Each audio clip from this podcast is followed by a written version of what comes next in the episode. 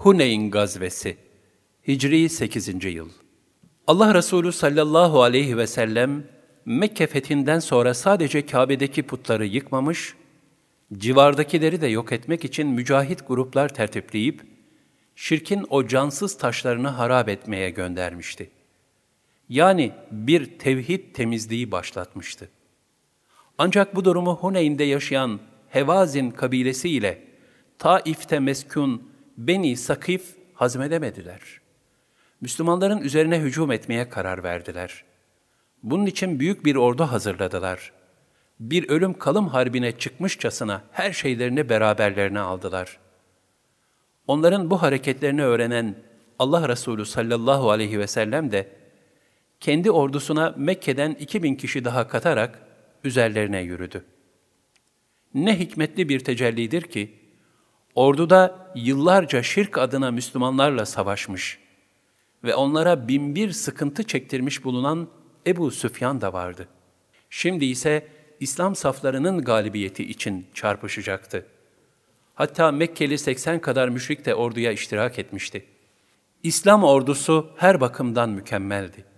Göz kamaştırıcı bir ihtişamla Huneyn'e doğru ilerliyordu. Herkes şimdiye dek böyle teçhizat ve teşkilatlı, kalabalık bir ordunun Arabistan'da görülmediğini düşünüyordu.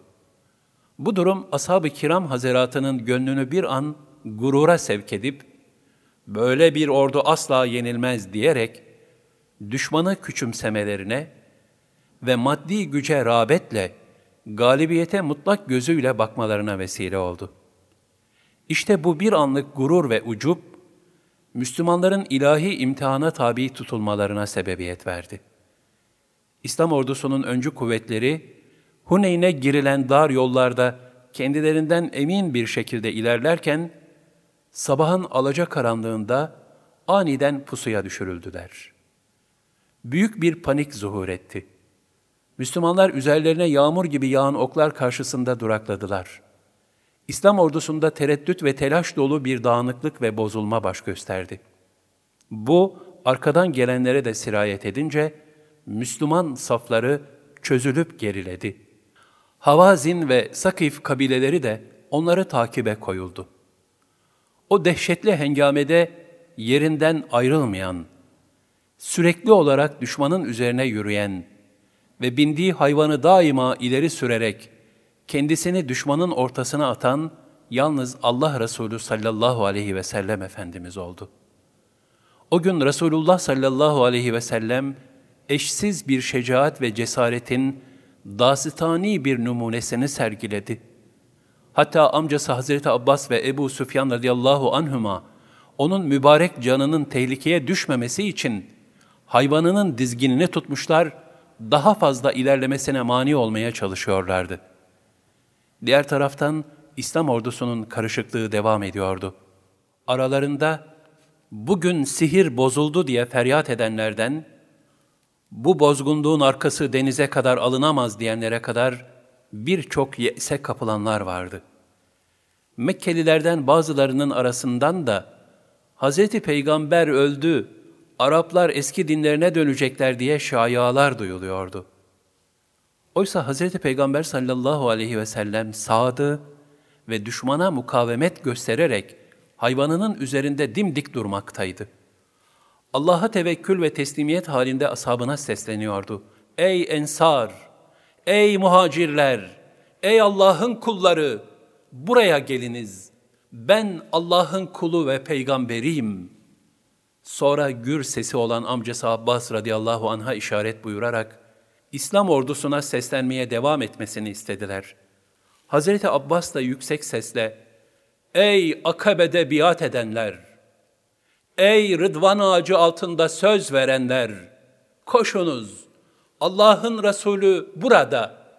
diyerek seslenmeye başladı. Bu daveti duyan sahabe lebbeyk, lebbeyk diyerek Allah Resulü sallallahu aleyhi ve sellemin yanına koştu. Böylece esen bir rüzgarla dağılan kelebeklerin, tekrar büyük bir cazibeyle nurun etrafına koşmalarına benzer bir gayretle, varlık nurunun yanında saf tutmaya başlayan gönüller, içine düştükleri korkudan sıyrılarak, huzur ve sükunete erdi. Yavaş yavaş Allah'ın lütfuyla bütün İslam safları derlenip toparlandı. Bundan sonra Allah Resulü sallallahu aleyhi ve sellem ellerini yüce dergaha açıp, Allah'ım bana olan zafer vaadini ihsan buyur niyazında bulundu. Tıpkı Bedir Harbi'ndeki gibi yerden mübarek elleriyle bir avuç toprak alarak düşman saflarına doğru attı ve ashab-ı güzine, haydi şimdi sıdku sadakatle hücum ediniz buyurdu. Bu defa İslam ordusu harbe yeni başlarcasına bir hızla müşriklerin üzerine saldırdı.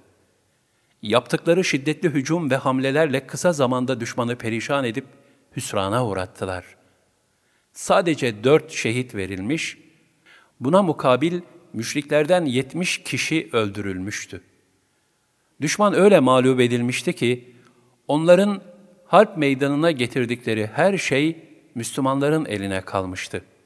Ele geçen ganimetin haddi hesabı yoktu. Şüphesiz ki bu, Yüce Allah'ın müminlere nasip buyurduğu büyük bir lütfu ve ikramıydı.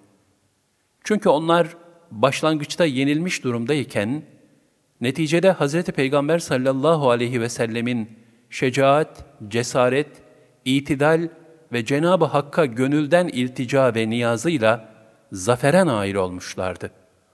Allah Teala bu hakikati Kur'an-ı Kerim'inde şöyle beyan etmektedir. Andolsun ki Allah birçok yerde harp meydanlarında ve Huneyn muharebesinde size yardım etti. Hani çokluğunuz size kendinizi beğendirmiş fakat sizi hezimete uğramaktan kurtaramamıştı. Yeryüzü bütün genişliğine rağmen size dar gelmişti. Sonunda gerisin geri dönmüştünüz.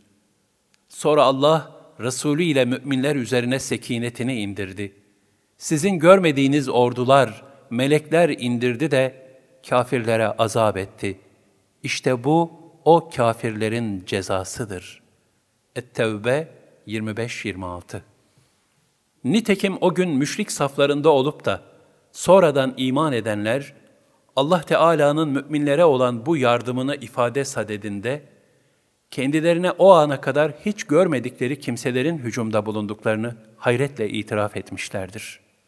Huneyn Harbini kazanan Allah Resulü sallallahu aleyhi ve sellem, kaçan düşmanların takibini emir buyurarak, esir ve ganimetleri de Cirane'ye sevk ettirdi. Müteakiben yapılan harekatı tamamlamak üzere, Ebu Musa el-Eş'ari'nin amcası Ebu Amir el-Eş'ari'nin kumandasındaki bir kuvveti Evtas Vadisi'ne gönderirken, kendileri de İslam ordusuyla birlikte Taif'e yöneldiler.''